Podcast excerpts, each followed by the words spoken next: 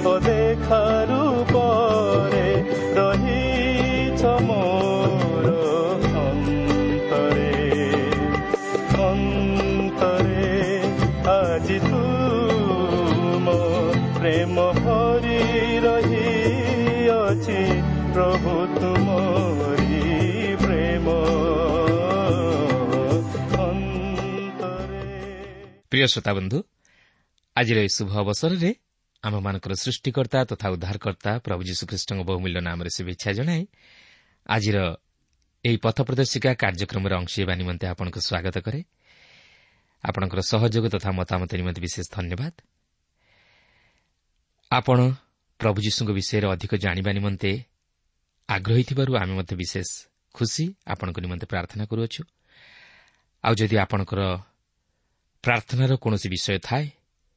କି ବା ଆପଣଙ୍କର ଜୀବନର ଯଦି କିଛି ସାକ୍ଷ୍ୟ ଥାଏ ତାହେଲେ ତାହା ଲେଖି ଜଣାଇଲେ ଆମେ ଆପଣଙ୍କ ନିମନ୍ତେ ପ୍ରାର୍ଥନା କରିପାରିବୁ।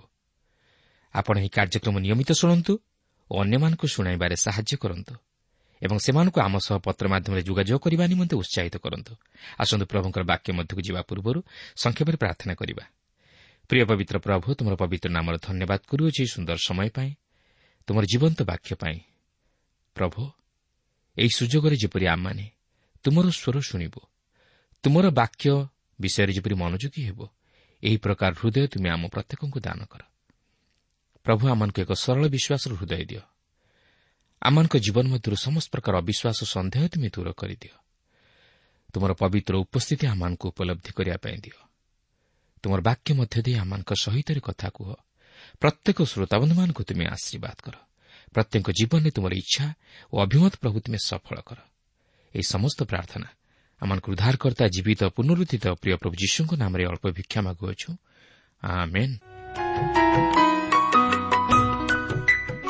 ଆଜି ଆମେ ସେହି ପୁରାତନ ନିୟମର ପ୍ରଥମ ବଂଶାବଳୀ ପୁସ୍ତକ ତହିଁର ଚାରି ଓ ପାଞ୍ଚ ପର୍ବ ଅଧ୍ୟୟନ କରିବାକୁ ଯିବା। ତେବେ ଆଜିର ଆଲୋଚନାର ମୁଖ୍ୟ ପ୍ରସଙ୍ଗ ହେଉଛି ବଂଶାବଳୀ। ପ୍ରଥମ ବଂଶାବଳୀ ଚାରି ପର୍ବରୁ ପାଞ୍ଚ ପର୍ବ ମଧ୍ୟରେ ଆମେ ଆଉ କେତେକ ବଂଶାବଳୀ ଦିଆଯାଇଥିବାର ଲକ୍ଷ୍ୟ କରିବାକୁ ପାରିବା। ଗତ ଆଲୋଚନାରେ ଆମେ ପ୍ରଥମ ବଂଶାବଳୀ ପ୍ରଥମ ପର୍ବରୁ ତିନି ପର୍ବ ମଧ୍ୟରେ ବିଶେଷ କରି ଅବ୍ରାହମ୍ ଇସାହାକ୍ ଜାକୁବ ଜିହୁଦା ଓ ଜିହୁଦାଙ୍କ ବଂଶଧର ମଧ୍ୟରୁ ଜିସିର ଔରସରୁ ଦାଉଦଙ୍କ ପରିବାର ବିଷୟ ନେଇ କିଛି ଆଲୋଚନା କରିଥିଲୁ। ଏହି ସମସ୍ତ ବଂଶଧର ଯେ ପ୍ରଭୁ ଯୀଶୁଖ୍ରୀଷ୍ଟଙ୍କ ଆଡ଼କୁ ଅଗ୍ରସର ହୋଇଥିଲେ ତାହା ମଧ୍ୟ ଆମେ ଲକ୍ଷ୍ୟ କରିଥିଲୁ। କାରଣ ପ୍ରଭୁ ଯୀଶୁଖ୍ରୀଷ୍ଟ ଦାଉଦଙ୍କ ବଂଶରେ ଜନ୍ମଗ୍ରହଣ କରିବାକୁ ଥିଲା ଓ ଦାଉଦ ସନ୍ତାନ ନାମରେ ନାମିତ ହେବାକୁ ଥିଲା। ତେବେ ପ୍ରଥମ ତିନି ପର୍ବ ମଧ୍ୟରେ ଆମେ ବିଶେଷ କରି ଇସ୍ରାଏଲ୍ର ବାର ଗୋଷ୍ଠୀ ମଧ୍ୟରୁ ଜିଉଧା ଗୋଷ୍ଠୀର ଭାବି ବଂଶଧରଙ୍କ ଉପରେ ବିଶେଷ ଗୁରୁତ୍ୱ ଦିଆଯାଇ ସେମାନଙ୍କର ବଂଶାବଳୀ ଉଲ୍ଲେଖ କରାଯାଇଥିବାର ଆମେ ଲକ୍ଷ୍ୟ କରିଥିଲୁ। କିନ୍ତୁ ଆଜି ଆମେ ସେହି ଇସ୍ରାଏଲ୍ର ଆଉ କେତୋଟି ଗୋଷ୍ଠୀର ଭାବି ବଂଶଧରଙ୍କର ବଂଶାବଳୀ ଏହି ପ୍ରଥମ ବଂଶାବଳୀର ଚାରି ପର୍ବଠାରୁ ଆରମ୍ଭ କରି ପାଞ୍ଚ ପର୍ବ ମଧ୍ୟରେ ଲକ୍ଷ୍ୟ କରିବାକୁ ଯିବା। ତେବେ ଏହି ଚାରି ପର୍ବରେ ମଧ୍ୟ ଆମେ ଜିହୁଦାର ଭାବି ବଂଶଧରଙ୍କ ବଂଶାବଳୀ କାଲେବ ଓ ଏଲାଙ୍କ ମଧ୍ୟ ଦେଇ ଉପସ୍ଥାପିତ ହୋଇଥିବାର ଲକ୍ଷ୍ୟ କରିବାକୁ ପାରୁଅଛୁ। କେବଳ ସେତିକି ନୁହେଁ ଏଥିସହିତ ସିମିଓନ୍ଙ୍କର ଭାବି ବଂଶଧରଙ୍କର ବଂଶାବଳୀ ମଧ୍ୟ ପ୍ରଦାନ କରାଯାଇଥିବାର ଆମେ ଲକ୍ଷ୍ୟ କରିବାକୁ ପାରୁଅଛୁ। ଏହି ସିମିଓନ୍ ମଧ୍ୟ ଜାକୁବଙ୍କ ପୁତ୍ରମାନଙ୍କ ମଧ୍ୟରୁ ଜଣେ ବା ଆମେ କହିପାରିବା ଇସ୍ରାଏଲ୍ର ବାର ଗୋଷ୍ଠୀ ମଧ୍ୟରୁ ଗୋଟିଏ ଗୋଷ୍ଠୀ। ଏହାପରେ ପାଞ୍ଚ ପର୍ବ ନିର୍ବାସିତ ହେବା ନିମନ୍ତେ ରୁବେନ୍କୁ ଚିହ୍ନିତ କରାଏ। ଏହି ରୁବେନ୍ ଇସ୍ରାଏଲ୍ର ଦ୍ୱାଦଶ ଗୋଷ୍ଠୀ ମଧ୍ୟରୁ ଏକ ଗୋଷ୍ଠୀ ଅର୍ଥାତ୍ ଜାକୁବଙ୍କର ଦ୍ୱାଦଶ ପୁତ୍ରଙ୍କ ମଧ୍ୟରୁ ଏକ ପୁତ୍ର। ଦେଖନ୍ତୁ ପାଞ୍ଚ ପର୍ବର ପ୍ରଥମ ଦୁଇ ପଦରେ ଏହିପରି ଲେଖା ଅଛି ଇସ୍ରାଏଲ୍ର ପ୍ରଥମଜାତ ରୁବେନ୍ର ସନ୍ତାନଗଣର କଥା। ରୁବେନ୍ ପ୍ରଥମଜାତ ଥିଲା ମାତ୍ର ସେ ଆପଣା ପିତୃଶଯ୍ୟା ଅସୂଚୀ କରିବାରୁ ତାହାର ଜ୍ୟେଷ୍ଠାଧିକାର ଇସ୍ରାଏଲ୍ର ପୁତ୍ର ଜୋସେଫ୍ର ପୁତ୍ରମାନଙ୍କୁ ଦିଆଗଲା। ତଥାପି ଜ୍ୟେଷ୍ଠାଧିକାର ଅନୁସାରେ ବଂଶାବଳୀ ଲେଖା ହୁଏ ନାହିଁ। କାରଣ ଜିହୁଦା ଆପଣା ଭ୍ରାତୃଗଣ ଅପେକ୍ଷା ପରାକ୍ରମୀ ହେଲା ଓ ତାହାଠାରୁ ଅଧିପତି ଉତ୍ପନ୍ନ ହେଲେ ମାତ୍ର ଜ୍ୟେଷ୍ଠାଧିକାର ଜୋସେଫ୍ର ହେଲା। ଏହି ଅଂଶରୁ ଆମେମାନେ ଜାଣିବାକୁ ପାରୁଛୁ ଯେ ରୁବେନ୍ ଇସ୍ରାଏଲ୍ର ବା ଆମେ କହିପାରିବା ଜାକୁବଙ୍କର ପ୍ରଥମ ଜାତପୁତ୍ର ଥିଲେ ବା ଜ୍ୟେଷ୍ଠପୁତ୍ର ଥିଲେ। ଆଉ ସାଧାରଣତଃ ଜ୍ୟେଷ୍ଠପୁତ୍ର ଜ୍ୟେଷ୍ଠାଧିକାର ପ୍ରାପ୍ତ ହୋଇଥାଏ। ଏହା ମଧ୍ୟ ବାଇବଲ ସମ୍ମତ। କିନ୍ତୁ ରୁବେନ୍ ନିଜର ଅପକର୍ମ ଲାଗି ତାହାର ଜ୍ୟେଷ୍ଠାଧିକାର ହରାଇ ବସିଲା ଓ ସେହି ଜ୍ୟେଷ୍ଠାଧିକାର ଜିହୁଦାକୁ ଦିଆ ନ ଯାଇ ଜୋସେଫଙ୍କୁ ଦିଆଗଲା। କିନ୍ତୁ ସେ ଯାହା ହେଉନା କାହିଁକି ଜିହୁଦା ପ୍ରାଧାନ୍ୟ ବିସ୍ତାର କଲା ଓ ଜିହୁଦା ମଧ୍ୟରୁ ଶାସକ ବାହାରିଲେ। ଏହି ପର୍ବରେ ଗାଦ ବଂଶଧରଙ୍କର ଓ ଜୋସେଫଙ୍କର ପୁତ୍ର ମନସୀର ଅର୍ଦ୍ଧବଂଶର ଇତିହାସ ପ୍ରଦାନ କରାଯାଇଅଛି। ସେମାନଙ୍କର ନିର୍ବାସିତ ହେବା ପର୍ଯ୍ୟନ୍ତ ଓ ଶେଷ ଦୁଇଟି ପଦ ନିର୍ବାସିତ ହେବାର କାରଣ ପ୍ରଦାନ କରନ୍ତି। ଦେଖନ୍ତୁ ଏହି ପ୍ରଥମ ବଂଶାବଳୀ ପାଞ୍ଚ ପର୍ବର ପଚିଶ ଓ ଛବିଶ ପଦରେ ଏହିପରି ଲେଖା ଅଛି ଅନନ୍ତର ସେମାନେ ଆପଣା ପୂର୍ବପୁରୁଷ ଗଣର ପରମେଶ୍ୱରଙ୍କ ବିରୁଦ୍ଧରେ ସତ୍ୟ ଲଙ୍ଘନ କଲେ। ଆଉ ପରମେଶ୍ୱର ଯେଉଁ ଦେଶୀୟ ଲୋକମାନଙ୍କୁ ସେମାନଙ୍କ ସମ୍ମୁଖରେ ବିନାଶ କରିଥିଲେ ସେମାନେ ସେମାନଙ୍କ ଦେବଗଣର ଅନୁଗାମୀ ହୋଇ ବେଭିଚାର କଲେ। ତହିଁରେ ଇସ୍ରାଏଲ୍ର ପରମେଶ୍ୱର ଅସୁରର ରାଜା ପୁଲ୍ର ମନକୁ ଓ ଅସୁରର ରାଜା ତିଗ୍ଲତ୍ ପିଲ୍ନେଶ୍ୱରର ମନକୁ ଉତ୍ତେଜିତ କଲେ। ତହିଁରେ ସେ ସେମାନଙ୍କୁ ଅର୍ଥାତ୍ ରୁବେନୀୟ ଓ ଗାଦୀୟ ଓ ମନସୀର ଅର୍ଦ୍ଧବଂଶୀୟ ଲୋକଙ୍କୁ ହଲହ ଓ ହାବର ଓ ହାରା ଓ ଗୋସନ ନଦୀ ତୀରକୁ ଆଣିଲା। ଅଦ୍ୟାପି ସେମାନେ ସେଠାରେ ଅଛନ୍ତି।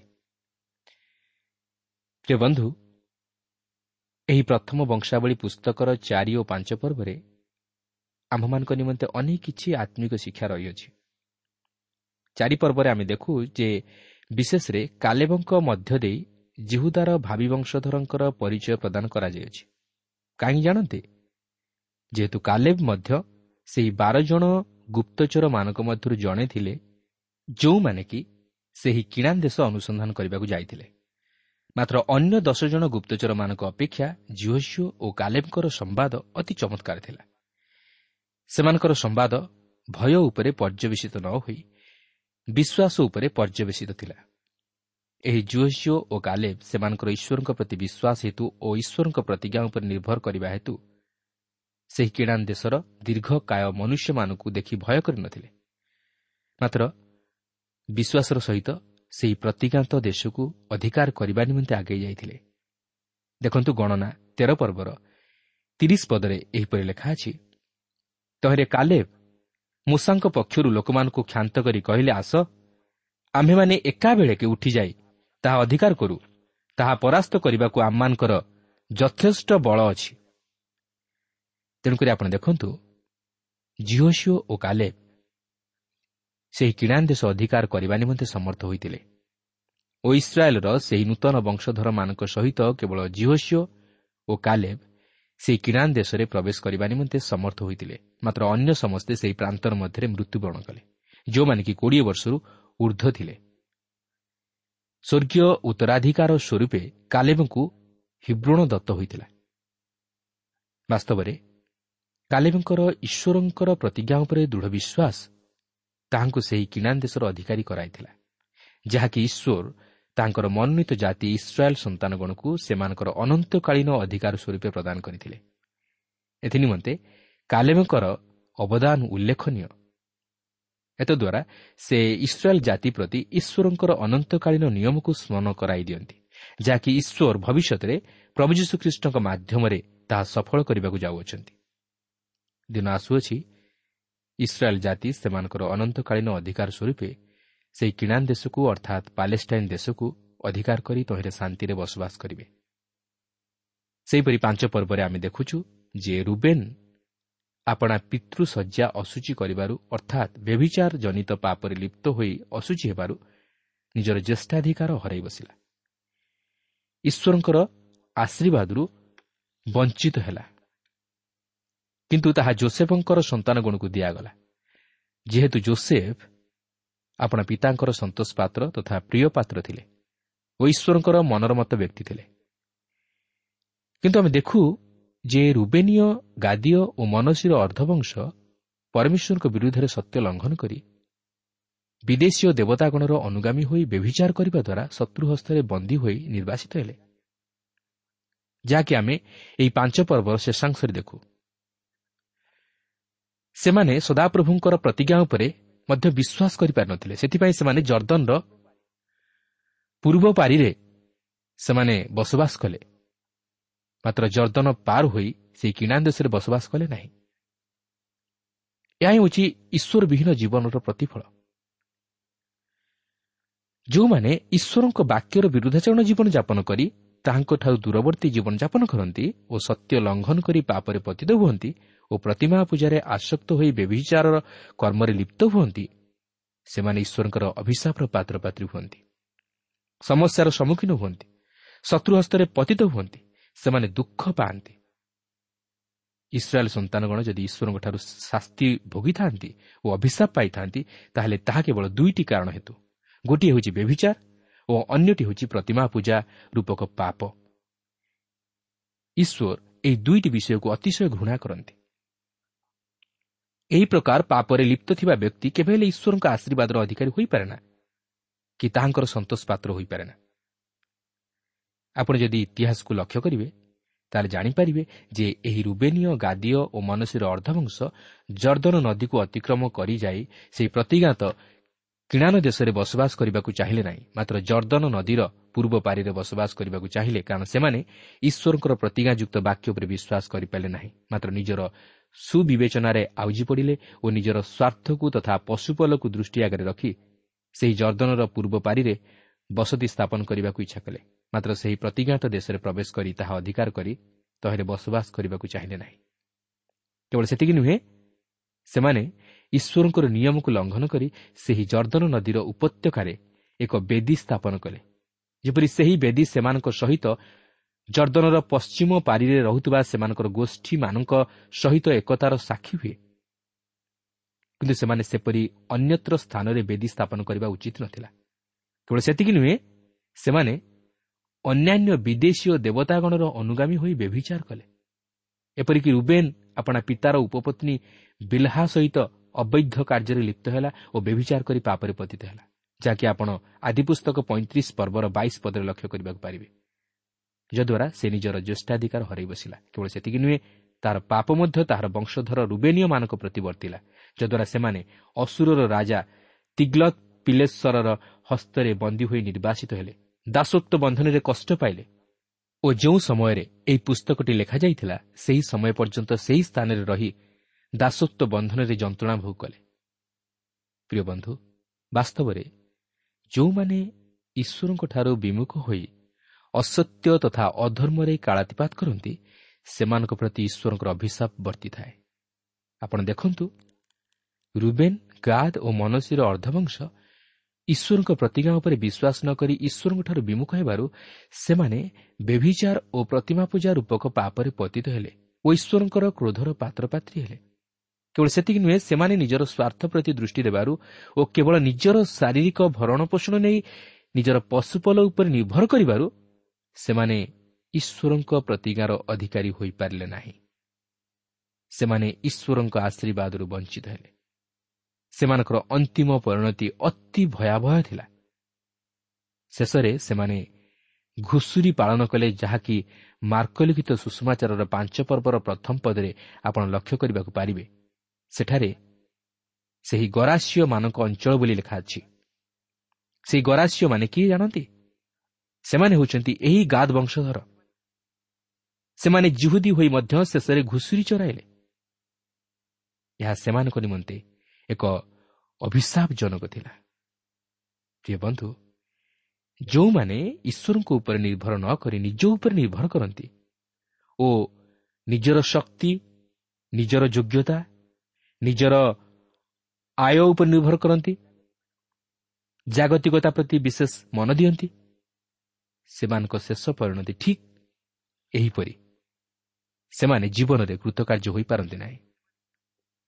ସେମାନେ ଈଶ୍ୱର ବିହୀନ ଜୀବନଯାପନ କରିବାକୁ ଭଲ ପାଆନ୍ତି। ଆପଣ ଜାଣିଥିବେ ଯେତେବେଳେ ପ୍ରଭୁ ଯୀଶୁ ସେହି ଗରାସିୟମାନଙ୍କ ଅଞ୍ଚଳରେ ପ୍ରବେଶ କରି ଈଶ୍ୱରଙ୍କ ଶକ୍ତିର କାର୍ଯ୍ୟମାନ ସାଧନ କଲେ ସେତେବେଳେ ସେମାନେ ତାହାଙ୍କୁ ଗ୍ରହଣ ନ କରି ସେମାନଙ୍କ ସୀମାରୁ ତାହାଙ୍କୁ ବାହାର କରିଦେଲେ। କାରଣ ସେମାନଙ୍କର ଘୁଷୁରୀ ବ୍ୟବସାୟ ବାଧାପ୍ରାପ୍ତ ହେଲା। ଯେହେତୁ ଯୀଶୁ ସେହି ବାହିନୀଭୂତକୁ ସେହି ଘୁଷୁରୀମାନଙ୍କ ମଧ୍ୟକୁ ପଠାଇଦେବା ଦ୍ୱାରା ସେହି ପଲ ଅତି ବେଗରେ ଦୌଡ଼ି ଯାଇ ତୀଖ ସ୍ଥାନରୁ ସମୁଦ୍ରରେ ପଡ଼ି ବୁଡ଼ି ମଲେ। ଆଉ ଘୁଷୁରୀମାନଙ୍କ ସଂଖ୍ୟା ପ୍ରାୟ ଦୁଇ ହଜାର ଥିଲା। ତେଣୁକରି ସେମାନେ ଯୀଶୁଙ୍କୁ ସେମାନଙ୍କ ଅଞ୍ଚଳରୁ ବାହାରି ଯିବାକୁ କହିଲେ। କାରଣ ସେମାନଙ୍କ ବ୍ୟବସାୟ କ୍ଷତିଗ୍ରସ୍ତ ହେଲା। ସେମାନେ ଯୀଶୁଙ୍କୁ ଛାଡ଼ିଦେଲେ। ମାତ୍ର ନିଜର ବ୍ୟବସାୟକୁ ଛାଡ଼ିପାରିଲେ ନାହିଁ। ସେମାନେ ଘୁଷୁରୀମାନଙ୍କୁ ପସନ୍ଦ କଲେ। ମାତ୍ର ଯୀଶୁଙ୍କୁ ପସନ୍ଦ କଲେ ନାହିଁ। ସେମାନେ ଘୁଷୁରୀର ମୂଲ୍ୟକୁ ହିସାବ କରିପାରିଲେ ମାତ୍ର ମନୁଷ୍ୟ ଜୀବନର ବହୁମୂଲ୍ୟତାକୁ ବୁଝିପାରିଲେ ନାହିଁ। ତେଣୁକରି ସେମାନେ ଯୀଶୁଙ୍କ ଉପରେ କ୍ଷୁବ୍ଧ ହୋଇ ତାହାଙ୍କୁ ସେହି ଅଞ୍ଚଳରୁ ବାହାର କରିଦେଲେ। ମାତ୍ର ତାହାଙ୍କୁ ଉଦ୍ଧାରକର୍ତ୍ତା ରୂପେ ଗ୍ରହଣ କରିପାରିଲେ ନାହିଁ। କାରଣ ସେମାନେ ଘୁଷୁରୀ ବିଷୟରେ ଚିନ୍ତିତ ଥିଲେ। ମାତ୍ର ନିଜର ଜୀବନ ବିଷୟରେ ଚିନ୍ତିତ ନଥିଲେ। ସେମାନେ ଘୁଷୁରୀର ମୃତ୍ୟୁ ନିମନ୍ତେ ଚିନ୍ତିତ ଥିଲେ। ମାତ୍ର ନିଜର ମୃତ୍ୟୁ ବିଷୟରେ ଚିନ୍ତିତ ନଥିଲେ। ଆଉ ଯଦି ସେମାନେ ନିଜର ଜୀବନକୁ ଦେଖିଥାନ୍ତେ ନିଜର ଜୀବନ ବିଷୟରେ ଚିନ୍ତା କରିଥାନ୍ତେ ତାହେଲେ ସେମାନେ କେବେ ହେଲେ ପ୍ରଭୁ ଯୀଶୁଙ୍କୁ ଅଗ୍ରାହ୍ୟ କରିନଥାନ୍ତେ ପ୍ରିୟ ବନ୍ଧୁ ଆଜି ବି ମଧ୍ୟ ଅନେକ ଅଛନ୍ତି ଯେଉଁମାନେ କି ନିଜର ବ୍ୟବସାୟ ନିମନ୍ତେ ବିଶେଷ ଚିନ୍ତିତ। ମାତ୍ର ନିଜର ଜୀବନ ବିଷୟରେ ଚିନ୍ତିତ ନୁହନ୍ତି। ଆଜି ଅନେକ ନିଜର ପଶୁପଲର ଯତ୍ନତତ୍ତ୍ୱ ନିମନ୍ତେ ବିଶେଷ ଚିନ୍ତିତ। ମାତ୍ର ଈଶ୍ୱରଙ୍କ ଲୋକମାନଙ୍କର ଆବଶ୍ୟକତା ପ୍ରତି ଦୃଷ୍ଟି ଦିଅନ୍ତି ନାହିଁ। କି ସେମାନଙ୍କ ବିଷୟରେ ଚିନ୍ତା ମଧ୍ୟ କରନ୍ତି ନାହିଁ। ଆଜି ଅନେକ ନିଜର ସ୍ୱାର୍ଥ ନିମନ୍ତେ ବା ଧନଲୋଭ ହେତୁ ଖ୍ରୀଷ୍ଟଙ୍କୁ ଅସ୍ୱୀକାର କରିଦିଅନ୍ତି। ନିଜର ସ୍ୱାର୍ଥରେ ଆଞ୍ଚ ଆସିଲେ ମଧ୍ୟ ଖ୍ରୀଷ୍ଟଙ୍କୁ ପରିତ୍ୟାଗ କରିଦିଅନ୍ତି। କିଛି ସମସ୍ୟା ଆସିଲେ ଖ୍ରୀଷ୍ଟଙ୍କର ନିନ୍ଦା କରନ୍ତି। ସେମାନେ ନିଜର ବ୍ୟବସାୟକୁ ମୁଖ୍ୟ ସ୍ଥାନ ଦିଅନ୍ତି। ମାତ୍ର ଖ୍ରୀଷ୍ଟଙ୍କୁ ନୁହେଁ। ଆଜି ଅନେକ ଏହିପରି ସ୍ୱାର୍ଥବାଦୀ ତଥା ଜାଗତିକ ମନା ହୁଏ ଈଶ୍ୱରଙ୍କଠାରୁ ବିଚ୍ଛିନ୍ନ ଜୀବନଯାପନ କରନ୍ତି।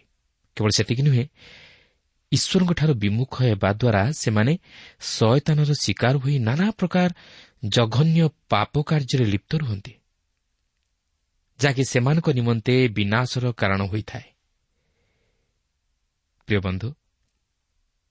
ଆଜି ଆପଣ କେଉଁଠି ଅଛନ୍ତି?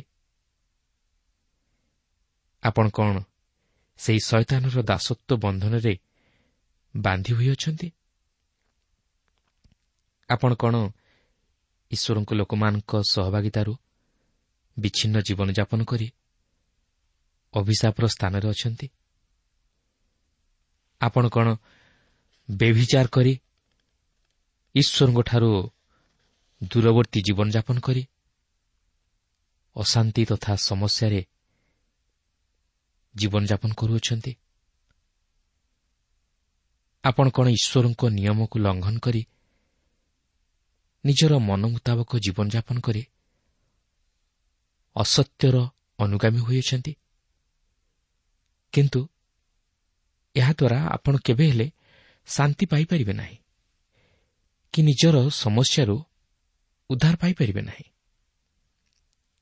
କିନ୍ତୁ ଏହି ସବୁରୁ ଯଦି ଉଦ୍ଧାର ପାଇବାକୁ ଚାହାନ୍ତି ତାହେଲେ ପ୍ରଭୁ ଯୀଶୁଖ୍ରୀଷ୍ଟଙ୍କର ନିକଟବର୍ତ୍ତୀ ହୋଇ ତାହାଙ୍କର ଶରଣାପନ୍ନ ହେଉନ୍ତୁ ଓ ତାହାଙ୍କଠାରେ ନିଜର କଳୁଷିତ ଜୀବନକୁ ସମର୍ପଣ କରନ୍ତୁ।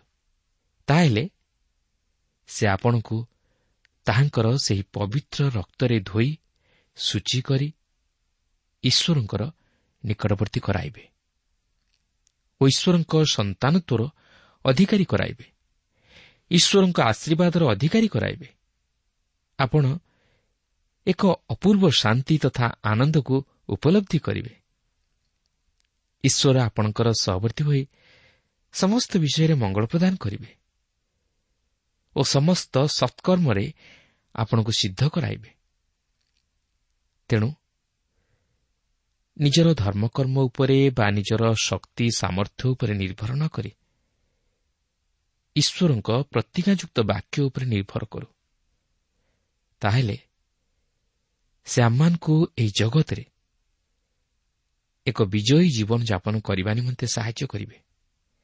ଓ ଆମମାନେ ଭାଙ୍ଗି ନ ପଡ଼ି ବା ଭୟ ନ କରି ଈଶ୍ୱରଙ୍କଠାରେ ବିଶ୍ୱାସରେ ସ୍ଥିର ରହିପାରିବା ଓ ସେହି ଖ୍ରୀଷ୍ଟଙ୍କଠାରେ ସଂଯୁକ୍ତ ଜୀବନଯାପନ କରି ଈଶ୍ୱରଙ୍କ ନିମନ୍ତେ ଫଳ ଫଳିପାରିବା। ସେଥିପାଇଁ ଜୋହନ ପନ୍ଦର ପର୍ବରେ ପ୍ରଭୁ ଯୀଶୁ କହନ୍ତି ଶାଖା ଯେପରି ଦ୍ରାକ୍ଷାଲତାରେ ନ ରହିଲେ ନିଜରୁ ଫଳ ଫଳିପାରେ ନାହିଁ ସେହିପରି ତୁମ୍ଭେମାନେ ମୋଠାରେ ନ ରହିଲେ ନିଜରୁ ଫଳ ଫଳିପାର ନାହିଁ। ଆଉ ସେ କହନ୍ତି ଯେ ମୋଠାରେ ନ ରହେ ସେ କିଛି କରିପାରେ ନାହିଁ। ପ୍ରିୟ ବନ୍ଧୁ ଆମେ ଜାଣି ରଖିବା ଉଚିତ ଯେ ଆମମାନେ ହେଉଛି ଦୁର୍ବଳ ମନୁଷ୍ୟ। ଆମମାନଙ୍କର ନିଜର କୌଣସି ଶକ୍ତି ବା ସାମର୍ଥ୍ୟତା ନାହିଁ। ଯାହାଦ୍ୱାରା କି ଆମମାନେ ଏହି ଜଗତରେ ଏକ ବିଜୟୀ ଜୀବନଯାପନ କରିପାରିବା। କିନ୍ତୁ ଏହି ଜଗତରେ ଏକ ବିଜୟୀ ଜୀବନଯାପନ କରିବାକୁ ହେଲେ ଆମମାନଙ୍କୁ ଏକ ଐଶ୍ୱରିକ ଶକ୍ତିର ଆବଶ୍ୟକ। ଆଉ ସେ ଐଶ୍ୱରିକ ଶକ୍ତି କିଏ? ସେହି ଐଶ୍ୱରିକ ଶକ୍ତି ହେଉଛନ୍ତି ସ୍ୱୟଂ ଈଶ୍ୱର। ସେ ଐଶ୍ୱରିକ ଶକ୍ତି ହେଉଛନ୍ତି ପ୍ରଭୁ ଯୀଶୁଖ୍ରୀଷ୍ଟ। ଆଉ ସେ ଏହି ଜଗତକୁ ଜୟ କରିଅଛନ୍ତି। ଶୈତାନର ପ୍ରଲୋଭନ ଉପରେ ସେ ଜୟ କରିଅଛନ୍ତି। ଶୈତାନର ପରୀକ୍ଷା ଉପରେ ସେ ଜୟ କରିଅଛନ୍ତି। ଆଉ ସେଥିପାଇଁ ସେ କହନ୍ତି ଜଗତରେ ତୁମାନଙ୍କ ନିମନ୍ତେ କ୍ଲେଶ ଅଛି। ମାତ୍ର ସାହସ ଧର ମୁଁ ଜଗତକୁ ଜୟ କରିଅଛି। ପ୍ରିୟ ବନ୍ଧୁ ବାସ୍ତବରେ ଆମମାନଙ୍କ ନିମନ୍ତେ ଏକ ମହାନ ଭରସାର ବିଷୟ ହେଉଛି ଯେ ପ୍ରଭୁ ଯୀଶୁ ହିଁ କେବଳ ଏହି ଜଗତ ଉପରେ ବିଜୟ ହୋଇପାରିଛନ୍ତି। ପ୍ରଭୁ ଯୀଶୁ ହିଁ କେବଳ ଶୈତାନକୁ ଜୟ କରିପାରିଛନ୍ତି। ଆଉ ସେ ଏହି ଜଗତକୁ ଜୟ କରିଅଛନ୍ତି। ଆଉ ଯେଉଁମାନେ ପ୍ରଭୁ ଯୀଶୁ ଖ୍ରୀଷ୍ଟଙ୍କଠାରେ ବିଶ୍ୱାସ କରନ୍ତି ସେମାନେ ଶକ୍ତିପ୍ରାପ୍ତ ହୁଅନ୍ତି। ଆଉ ସେମାନେ ଏହି ଜଗତ ଉପରେ ବିଜୟୀ ଜୀବନ ଯାପନ କରିବା ନିମନ୍ତେ ସମର୍ଥ ହୋଇପାରନ୍ତି। ତେଣୁକରି ପ୍ରିୟ ବନ୍ଧୁ ଆମମାନଙ୍କ ନିମନ୍ତେ ଏକ ବିଜୟୀ ଜୀବନ ଆବଶ୍ୟକ ଆଉ ଏହି ବିଜୟୀ ଜୀବନ କେବଳ ଆମମାନେ ପ୍ରଭୁ ଯୀଶୁଖ୍ରୀଷ୍ଟଙ୍କର ସହାୟତାରେ ହିଁ କାଟିପାରିବା ଯଦି ଆମେ ତାହାଙ୍କୁ ଆମମାନଙ୍କ ହୃଦୟ ମଧ୍ୟରେ ଗ୍ରହଣ କରୁ ଆମମାନଙ୍କ ହୃଦୟରେ ସ୍ଥାନ ଦେଉ ଆଉ ସେ ଆମମାନଙ୍କର ଏହି ଜୀବନକୁ ଅଧିକାର କରନ୍ତି ତାହେଲେ ସେ ଆମକୁ ଏହି ଜଗତ ଉପରେ ଏକ ବିଜୟୀ ଜୀବନ ଯାପନ କରିବା ପାଇଁ ଶକ୍ତି ଦେବେ। ସେ ଆମମାନଙ୍କୁ ସାମର୍ଥ୍ୟ ପ୍ରଦାନ କରିବେ। ଆଉ ତାହାଙ୍କ ଶକ୍ତିରେ ହିଁ ଆମମାନେ ଏହି ଜଗତ ଉପରେ ବିଜୟୀ ଜୀବନ ଯାପନ କରିବା ନିମନ୍ତେ ସମର୍ଥ ହୋଇପାରିବା। ତେଣୁ ଆସୁ ଏହି ଜଗତରେ ଆମମାନେ ଅନ୍ୟ କାହାର ପଛରେ ନ ଯାଏ ସେହି ପ୍ରଭୁ ଯୀଶୁଙ୍କର ପଛରେ ଅନୁଗମନ କରୁ ତାହାଙ୍କୁ ନିଜ ହୃଦୟରେ ଗ୍ରହଣ କରୁ ତାହେଲେ ସେ ଆମମାନଙ୍କୁ ଏହି ଜଗତରେ ଏକ ବିଜୟୀ ଜୀବନ ଯାପନ କରିବା ପାଇଁ ଶକ୍ତି ଦେବେ।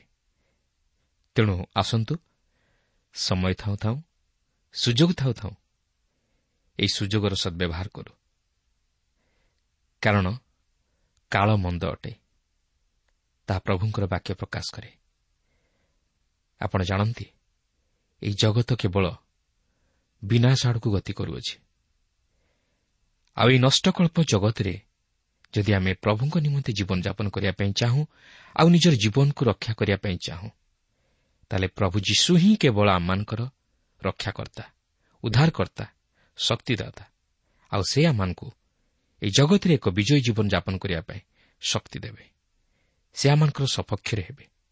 ପ୍ରଭୁ ପ୍ରତ୍ୟେକଙ୍କୁ ଏହି ସଂକ୍ଷିପ୍ତ ଆଲୋଚନା ମଧ୍ୟ ଦେଇ ଆଶୀର୍ବାଦ କରନ୍ତୁ।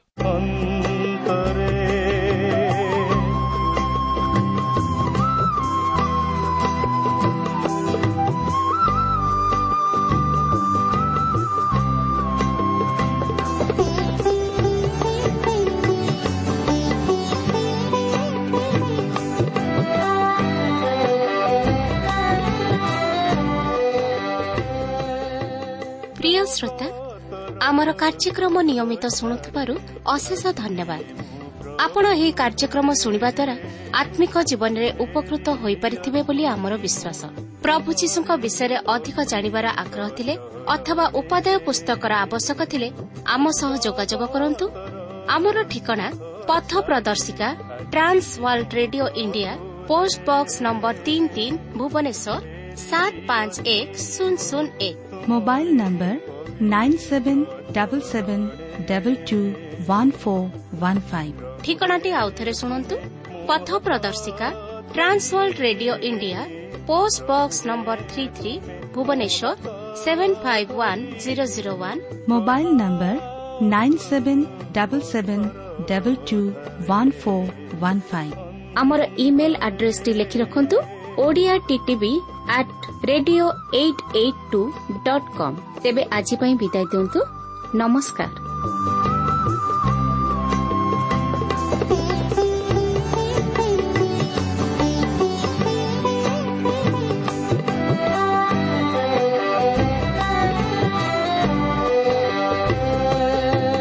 ଜଗତର ସୁଖ ଛାଡ଼ି ଆଜି ମୁଁ ପ୍ରଭୁ